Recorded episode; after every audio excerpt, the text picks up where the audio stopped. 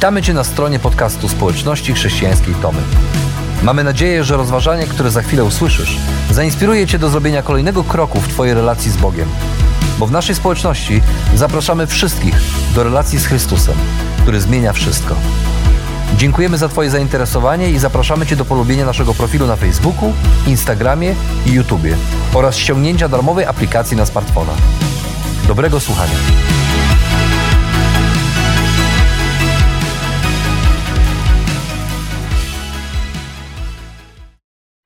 Na pewno to zauważyliśmy, że świat, w którym żyjemy, nie jest czarno-biały, ale jest w odcieniach szarości. I my chcielibyśmy żyć w takim świecie, w którym to jest oczywiste, co jest białe, co jest czarne, ale niestety nasz świat tak nie wygląda. I często okazuje się, że nasze życie, sytuacje, z którymi się spotykamy i decyzje, które podejmujemy, podejmujemy w odcieniach szarości.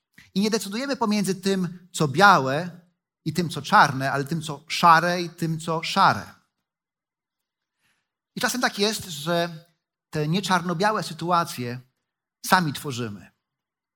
Młody chłopak zakochał się, niedługo potem został ojcem, urodził mu się syn. On nie był gotowy na to, aby być mężem i ojcem, więc nie dziwi fakt, że nie był dobrym mężem i ojcem. Po jakimś krótkim czasie ten związek się rozpadł i skończyło się jego ojcostwo.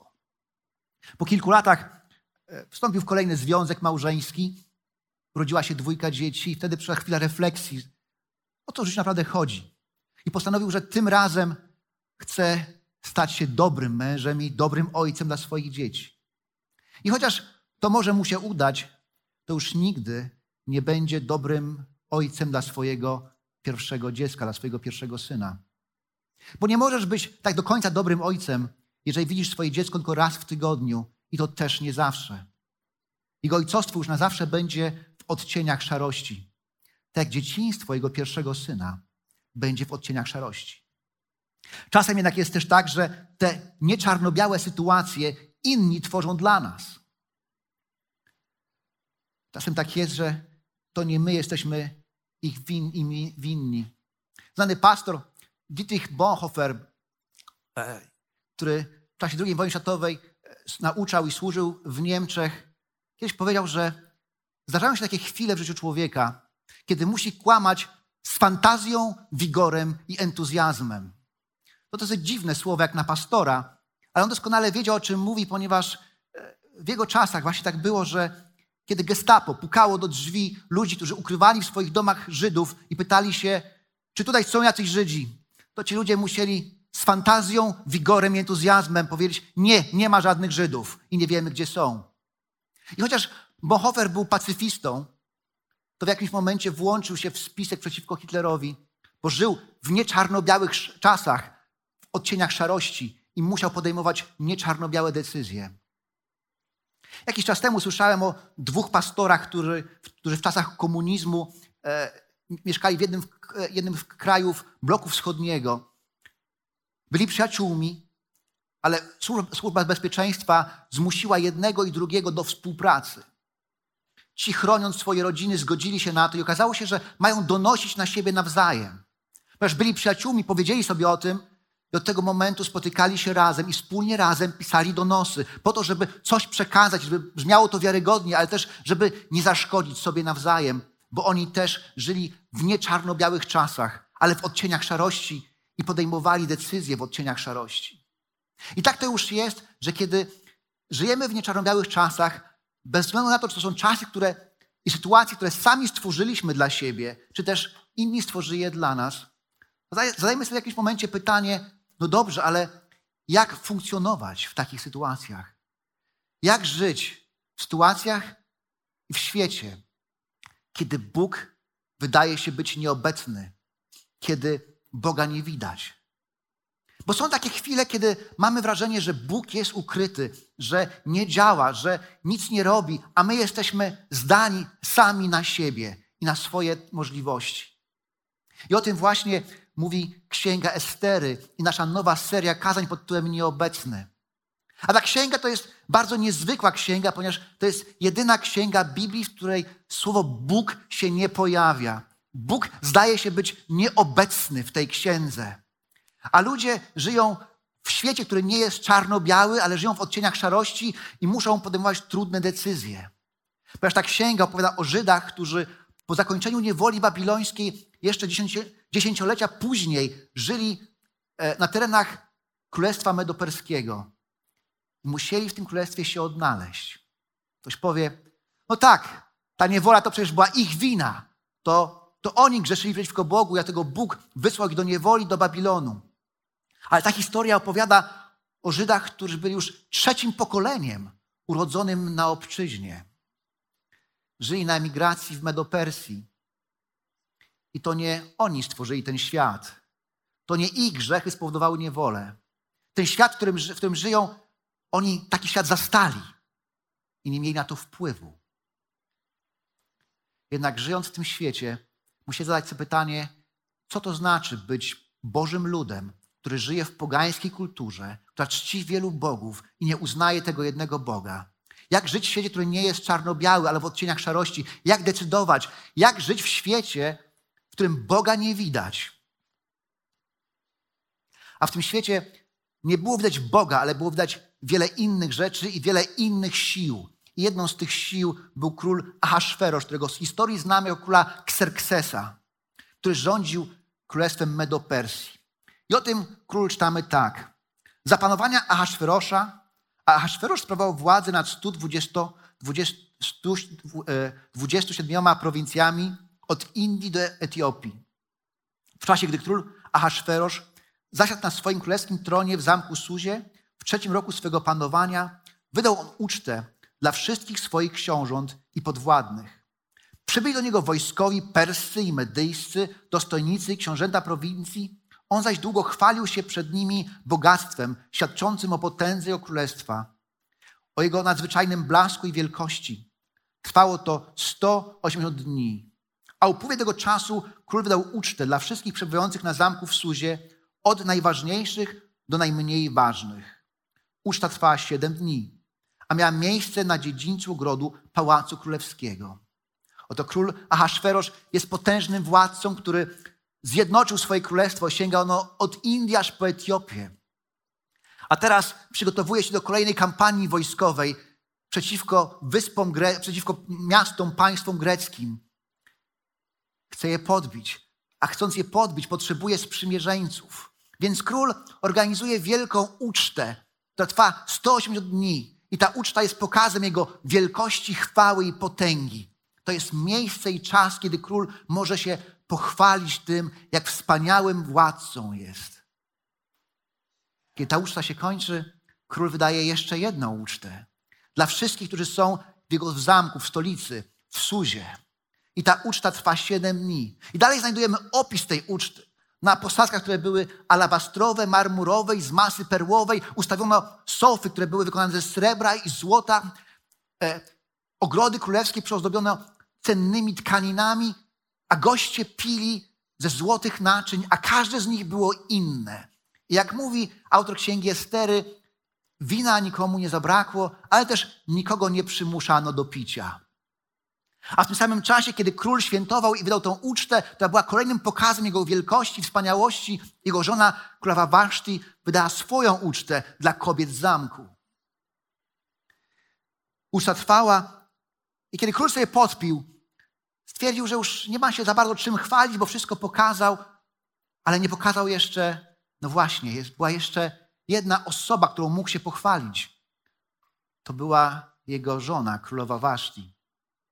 Więc kazał ją wezwać, aby pokazać ją, ponieważ była to kobieta o niezwykłej urodzie i chciał się pochwalić nią przed wszystkimi. Ale królowa Waszti nie była zainteresowana. Nie chciała być maskotką na uczcie pijanego króla i jego pijanych gości, więc odmówiła.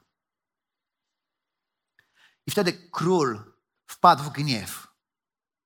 A król Haszferosz, kiedy się gniewał, bywał niebezpieczny. Historycy mówią, że Któregoś razu, kiedy dowiedział się o tym, że opóźnia się budowa jednego z jego mostów, kazał ściąć wszystkich budowniczych i zastąpić ich innymi. Tak więc niebezpiecznie było być niewolnikiem króla Haszferosza i też niebezpiecznie było być jego żoną i królową. Król się rozgniewał i wezwał swoich doradców, aby zdecydować, co zrobić z królową Waszti, ponieważ musi być ukarana, jego doradcy powiedzieli, że należy ją pozbawić tytułu królowej i tak naprawdę skazać na wygnanie. A jednocześnie też powiedzieli, że to, co zrobiła, było haniebne, ponieważ królowa Waszti dała zły przykład innym kobietom w imperium, że można nie szanować swojego męża. A więc król pozbawił Waszti jej tytułu i tak naprawdę skazał na wygnanie. Już nigdy nie mogła stanąć przed jego obliczem. Królowa Waszti boleśnie zderzyła się z brutalną rzeczywistością, która wdarła się w jej życie. Kiedy odmyślimy o tej historii, to okazuje się, że świat, tamten starożytny świat, wcale się nie bardzo zmienił, nie bardzo różni się od tego naszego, bo my też nie mamy kontroli nad otaczającą nas rzeczywistością i często wdziera się w nasze życie nieproszona. Tak to już jest. Naszym życiu dzieje się wiele rzeczy, nad którymi po prostu nie mamy kontroli. Wybuchają pandemie, wybuchają wojny. Lekarz daje nam złą diagnozę. Nasi bliscy chorują, czasem umierają, ktoś traci pracę. Okazuje się, że nie mamy kontroli nad otaczającą nas rzeczywistością, ona czasem wdziera się w nasze życie nieproszona, zderzamy się z nią i zadajemy sobie pytanie, ale gdzie w tym wszystkim jest Bóg? I jak żyć, kiedy Boga nie widać? To były trudne czasy. Król Ahasferosz pojechał do Grecji na tą swoją kampanię wojenną, która nie skończyła się sukcesem. Po trzech latach wrócił. A kiedy wrócił, zaczął myśleć o królowie Waszti, ale jego doradcy mówili, że to nie jest dobry pomysł, że czas zrobić coś innego. Król powinien poszukać sobie innej, nowej królowej. Więc ogłosili taki starożytny casting na królową. Król rozesłał wiadomość po całym królestwie, że szuka kolejnej królowej, nowej żony. A więc jego słudzy w całym królestwie szukali pięknych, młodych dziewczyn, dziewic, które byłyby kandydatkami na królową. Każda z nich miała przybyć do pałacu i spędzić jedną noc z królem, a on po tej nocy miał decydować, czy ta dziewczyna będzie jego żoną i królową, czy też nie. Taka starożytna wersja: król szuka żony. I tym sposobem na scenę dramatu wkraczają dwie osoby: Mordochaj i Estera. Czytamy tak, że Mordochaj był opiekunem Hadassy, to jest Estery, córki swojego stryja. Nie miała ona ojca ani matki, była panną zgrabną i piękną. Po śmierci rodziców Mordochaj przyjął ją za córkę. Gdy więc ukazało się zarządzenie króla na zamku w Suzie pod opieką stróża kobiet Hagaja, zaczęto gromadzić młode kobiety. Wówczas do Pałacu Królewskiego pod opiekę tegoż Hagaja zabrano również Esterę. Hagajowi spodobała się ta panna, zdobyła na jego względy. Niezwłocznie zatem zaopatrzono ją w stosowne kosmetyki, dopilnowano, by niczego jej nie zabrakło w jej przydziale, a ponadto oddano jej do usług siedem sprawdzonych dziewcząt z Pałacu Królewskiego. I wraz ze służącymi przeniesiono ją do bardzo dobrego domu kobiet. W tym czasie Estera nie ujawniła jeszcze swojej narodowości ani swego pochodzenia, ponieważ Mordochaj przestrzegał ją, aby tego nie czyniła. Oto młoda dziewczyna Estera trafia na zamek królewski do domu kobiet pod opiekę Hagaja i tam jest przygotowywana przez 12 miesięcy. Dalej czytamy opis tych przygotowań, kiedy e, wykorzystywane są cuda starożytnej kosmetologii, aby była piękna i gotowa na spotkanie z królem, na tą jedną noc z królem. I tak naprawdę jej życie od tego momentu się zmieni na zawsze. Bo jeśli pójdzie do króla i mu się nie spodoba, to tak czy inaczej resztę życia spędzi w królewskim haremie. Nie będzie mogła poślubić innego mężczyzny. Jeśli pójdzie do króla i mu się trochę spodoba, to król uczyni ją swoją nałożnicę i czasem będzie ją wzywał dla zabawy, dla przyjemności. Jeśli mu się bardziej spodoba, to może uczynić ją jedną ze swoich żon. Ale jeśli naprawdę mu się spodoba, to wtedy uczyni ją swoją królową, tą jedyną, wybraną. A więc od tego momentu życie Estery się zmieni na zawsze. I oto nadszedł ten czas, kiedy nadeszła kolej Estery, by pójść do króla i spędzić z nim noc. I czytamy, w końcu przyszła kolej na Esterę, córkę Abihaila, syna stryja Mordochaja, który przyjął ją za córkę. Kiedy miała iść do króla, nie zabrała ze sobą niczego poza tym, co doradził jej wziąć Hegaj, eunuch króla i stróż kobiet. Miała ona to do siebie, że zyskiwała życzliwość wszystkich, którzy na nią popatrzyli. I zabrano Esterę do króla, do króla Ahasferosza, do pałacu królewskiego w dziesiątym miesiącu, to jest miesiącu Tebet, w siódmym roku jego panowania. A król pokochał Esterę. Pokochał ją bardziej niż wszystkie inne kobiety, zdobyła jego łaskę i zyskała względy większe od pozostałych dziewic.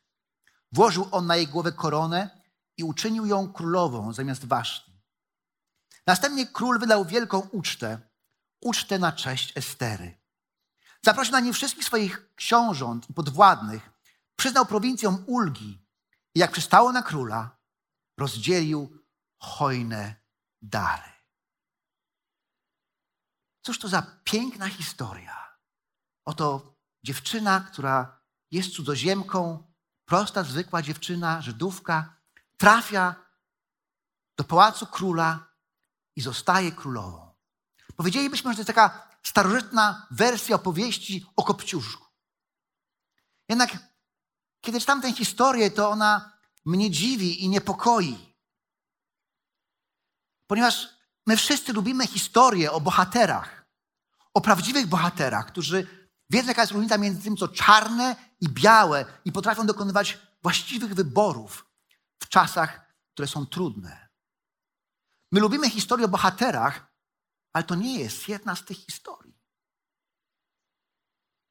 Kiedy studiowałem jeszcze w Anglii, czasami miałem zajęcia w szkole, która nazywa się Ridley Hall. Poznałem przy okazji historię człowieka, od którego ta szkoła nosiła swoje imię. Nicholas Ridley był brytyjskim reformatorem, który za swoje przekonania są spalone na stosie, ponieważ nie chciał się ich wyprzeć. Może nam się takie historie do końca nie podobają, bo są tragiczne, ale takie historie lubimy w tym sensie, że one mówią o prawdziwych bohaterach, o, ludzie, o ludziach, którzy dokonują właściwych wyborów w trudnych sytuacjach. Podobnie jak historia Daniela jego trzech towarzyszy, trzech przyjaciół, którzy też zostali zabrani w czasie niewoli babilońskiej na dwór króla Nabukadnezara i przygotowani do służby na jego dworze.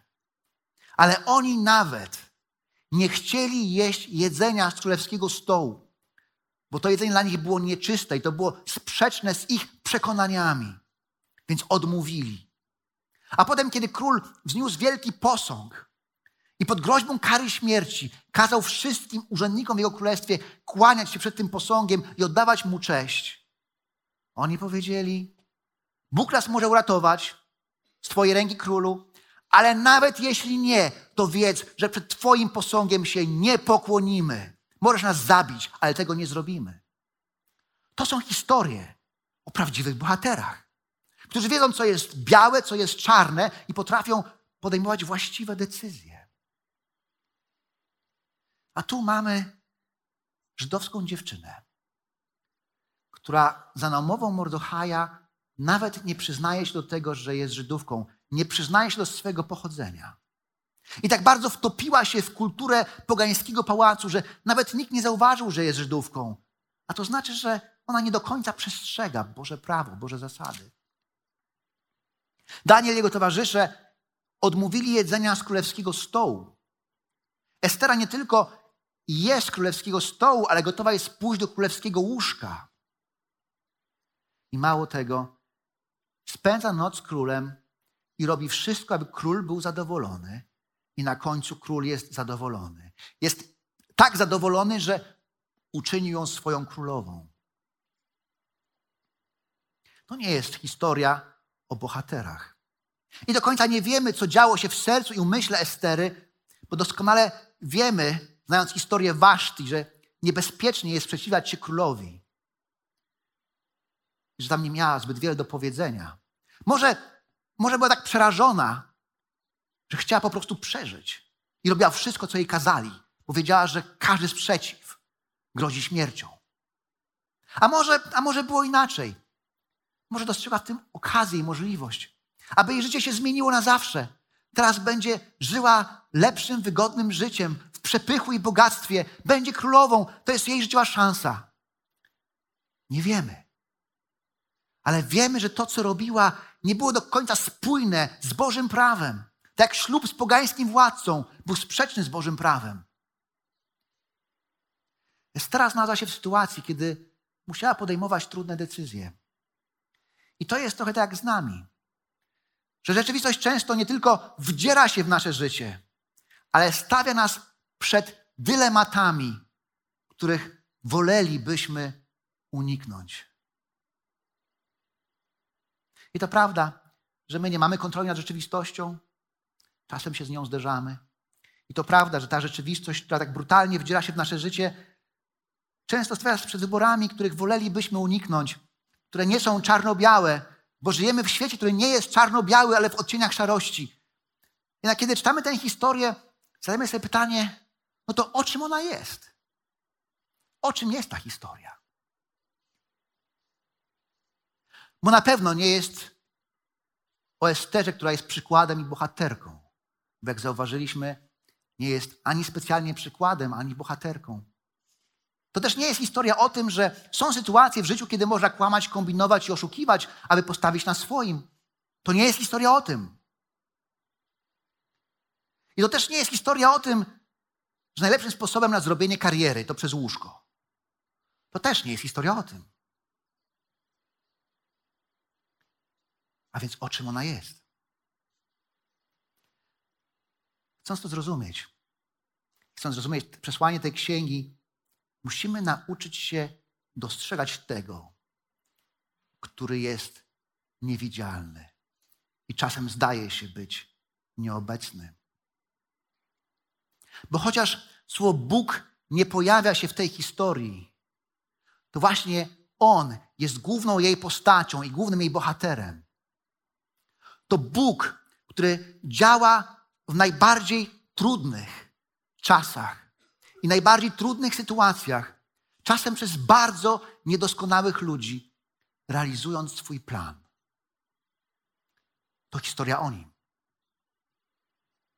Bo to nie przypadek, że Waszti przestała być królową. To nie przypadek, że Estera znalazła się na, w pałacu królewskim. To nie przypadek, że to Estera została kolejną królową i żoną króla. To nie przypadek, że w jakimś momencie Mordochaj, zupełnie wydawałoby się przypadkiem, dowiedział się o spisku na życie króla, o czym poinformował Estera, a ona poinformowała króla i spisek udaremniono i tym samym Mordochaj uratował życie króla, co odnotowano w kronikach. To nie przypadek. Oto Bóg rozmieścił wszystkie figury na szachownicy dziejów we właściwych miejscach. I chociaż nieobecny, zdawałoby się i niewidzialny, Bóg w tej historii realizuje swój plan. I nie tylko zmienia bieg dziejów, ale zmienia też ludzi zaangażowanych w tę historię. Na początku Estera była kobietą, która bardziej niż swoje przekonania ceniła chęć przetrwania i robiła wszystko, aby przetrwać. Na końcu ta sama kobieta zachowuje się zupełnie inaczej. To jest ta sama Estera, ale nie taka sama Estera, bo stała się inną kobietą. Bo w jakimś momencie, żyjąc w świecie, w którym nie widać Boga, nauczyła się, że w takim świecie, w którym nie widać Boga, należy żyć tak, jakbyśmy Go widzieli. I to jest wyzwanie które stoi przed każdym z nas. Stoi przed każdym pokoleniem chrześcijan i ludzi wierzących. Ponieważ Bóg się nie zmienił i ten świat też się nie zmienił, bo on ciągle nie jest czarno-biały. Dwa tysiące lat temu ludzie pytali, gdzie jest Bóg? Gdzie jest Bóg? Są Rzymianie, okupacja, gdzie jest Bóg? A Bóg stał się człowiekiem. Jezus Chrystus zamieszkał pośród nich, stał się jednym z nich. Ale wielu ludzi patrząc na niego, nie rozpoznało go, nie dostrzegło w nim Boga. A Bóg był pomiędzy, pośród nich. I działał i realizował swój plan zbawienia.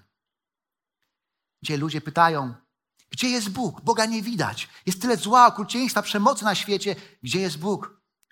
A Bóg ciągle jest obecny i działa przez swego Ducha Świętego i przez Kościół.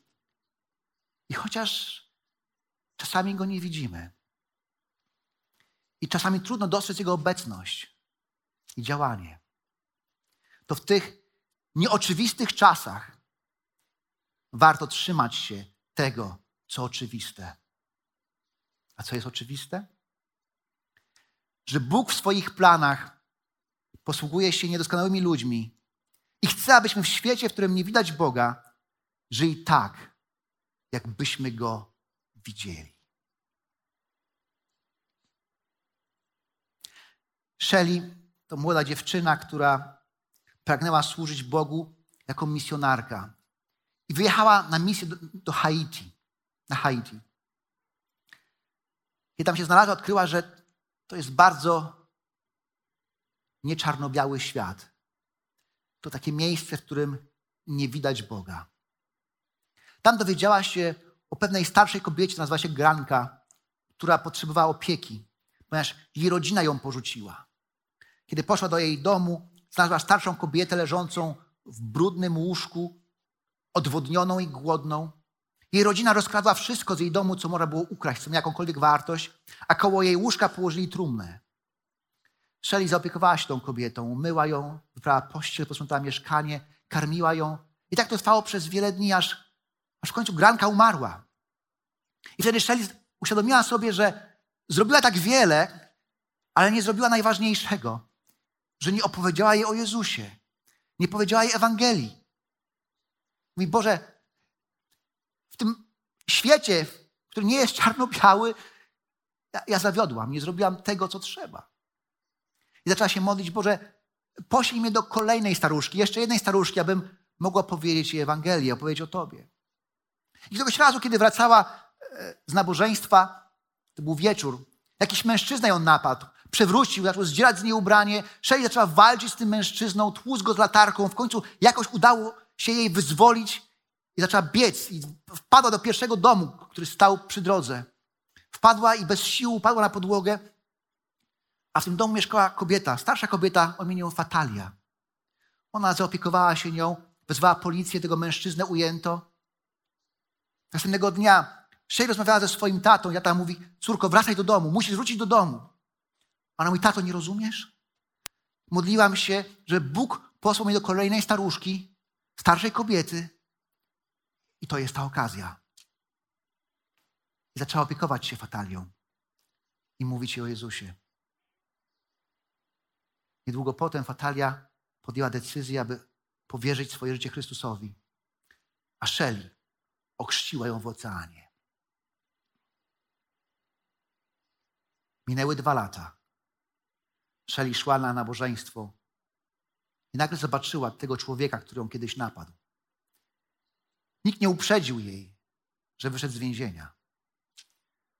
Kiedy go zobaczyła, łzy zaczęły płynąć jej po twarzy i zaczęła szybko iść w stronę budynku kościelnego, ale kiedy doszła, zatrzymała się na chwilę, odwróciła się i wróciła do niego.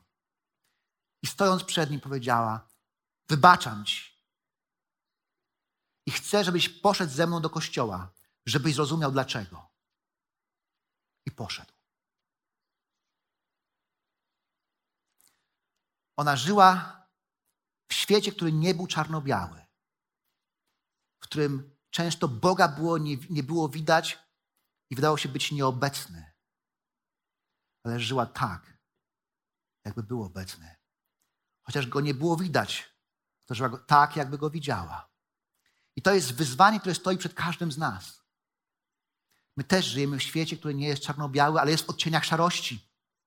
I też często nie widzimy Boga w tym, co się dzieje wokół. Ale Bóg umieścił nas w różnych miejscach w naszej pracy, szkole, domu, wśród naszych przyjaciół, znajomych, w naszym sąsiedztwie.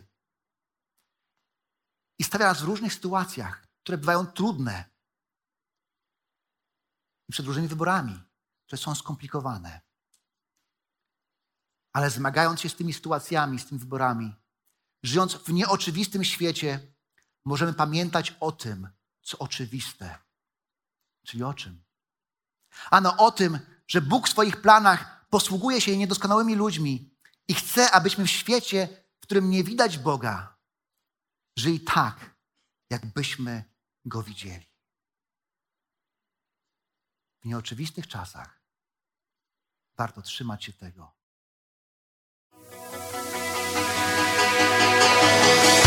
Jeszcze raz dziękujemy za wysłuchanie naszego rozważania. Jeżeli mieszkasz w okolicach Tomaszowa Mazowieckiego lub Łodzi, zapraszamy Cię do odwiedzenia nas na niedzielnym nabożeństwie. Więcej informacji znajdziesz na stronie schatomy.pl.